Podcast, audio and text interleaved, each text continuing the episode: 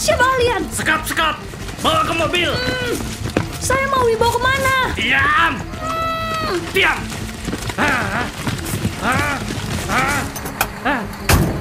Worldwide Production present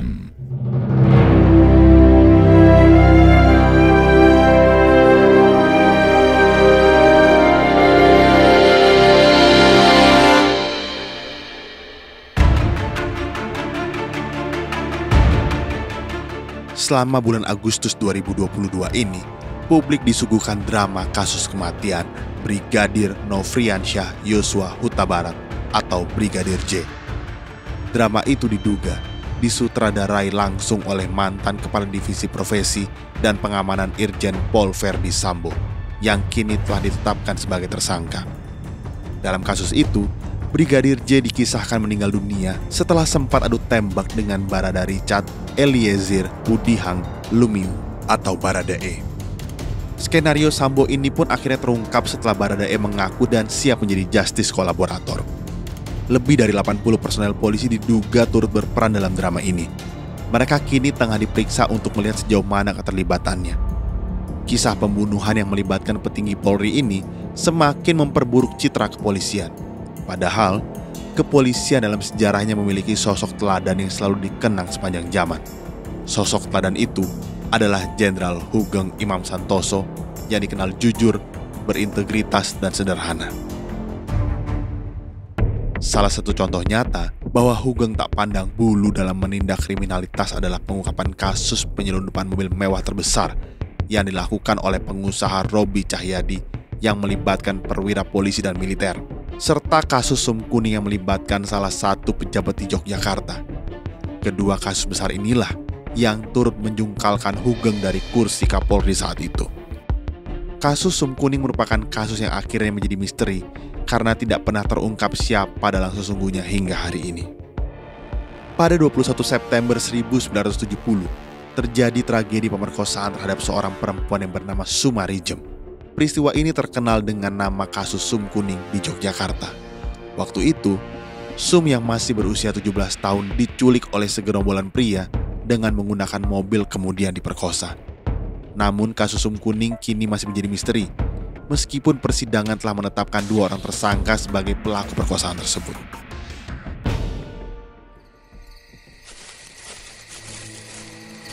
Pada Senin kelabu, Sum berjalan menyusuri malam sendirian.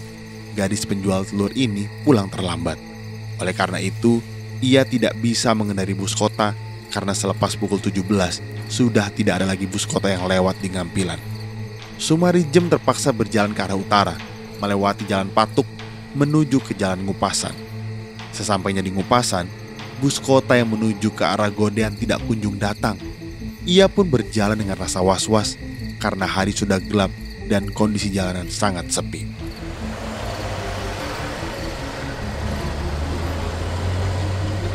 Saat Sum melintas di timun asrama polisi Patuk, tiba-tiba ada sebuah mobil yang hampir menyerempet dan berhenti di dekatnya.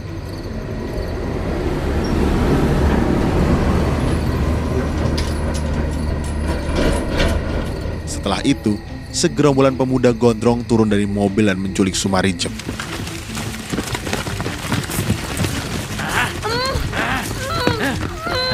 Siapa kalian? Sekap, sekap!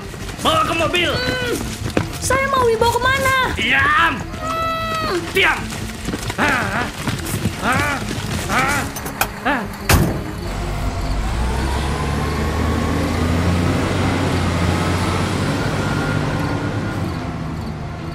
Selama di dalam mobil, Sumarijem diancam menggunakan belati yang ditempelkan di lehernya. Mobil melaju ke jalan Diponegoro menuju ke Bumijo. Dan tidak lama kemudian, Sumarijem dibius hingga pingsan.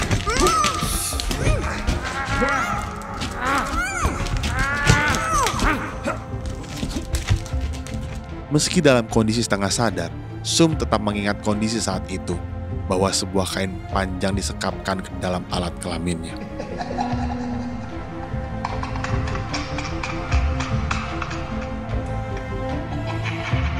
Rupanya malam itu Sum diperkosa oleh para pemuda tersebut.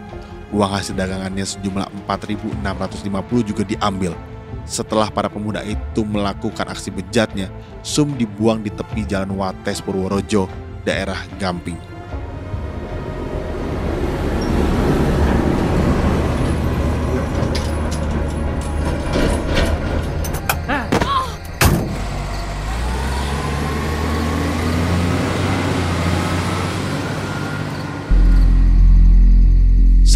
Sum dibuang ketika hari masih gelap.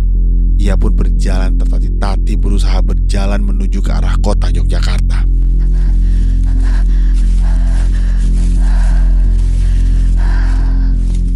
Ketika hari mulai terang, Sumarije menghentikan sebuah becak. Sum pun diantarkan ke rumah salah seorang langganannya bernama Nyonya Sulardi di Bumijo. Sesampainya di rumah Sulardi, Sumarije menangis. Kondisinya juga sangat buruk, di mana kaki dan kain yang ada di tubuhnya dipenuhi dengan lumuran darah. Ya ampun. Kowe kenapa toh, Sum? Ya ampun, mesak keman. Iki Iki getih Iki getih nopo, Sum? Kamu Kamu kok pendarahan? Ini sudah jelas perkosaan. Astagfirullah, Sum. Ini nggak bisa kita biarkan, Sum. Kita harus lapor polisi. Ayo. Kebetulan Nyonya Sulardi bertetangga dengan wartawan kedaulatan rakyat Imam Sutrisno. Begitu Imam diberitahu tentang kondisi Sumarijem, ia segera melapor ke unit polisi militer Denpom 7 nomor 2. Tak lama kemudian, anggota polisi militer datang dan segera membawa Sumarijem ke rumah sakit Bethesda. Dalam perjalanan menuju Bethesda, saat mereka melewati jalan patuk, Sumarijem sempat menunjukkan tempat di mana ia diculik pada malam sebelumnya. Kejadian pemerkosaan Sumarijem ini kemudian gempar di masyarakat luas dan kemudian dikenal sebagai kasus Sum Kuning. Berbagai media di Yogyakarta bahkan di luar Yogyakarta ramai membicarakan kasus tersebut. Seminggu kemudian, tanggal 28 September 1970, tersiar kabar bahwa para penculik dan pemerkosa Sum akan diarak. Ribuan orang pun berkumpul di kantor polisi selatan Malioboro untuk menyaksikan arakan tersebut. Rame banget di sini. Iya, warga sudah nggak sabar mau lihat arak-arakan pemerkosa Sum. Wah mas, mending pulang aja. Pelakunya itu belum ketangkep. Tadi saya sudah tanya sama polisi. Akan tetapi, tidak terjadi apa-apa pada hari itu. Pelakunya mesti wong gede. Masyarakat umum menduga bahwa pelaku di balik kejadian keji itu adalah anak-anak orang terkemuka di Yogyakarta. Dugaan tersebut didukung pada kenyataan bahwa para penculik melakukan aksi mereka dengan menggunakan mobil. Pada saat itu, hanya orang-orang terpandang dan kaya saja yang memiliki mobil.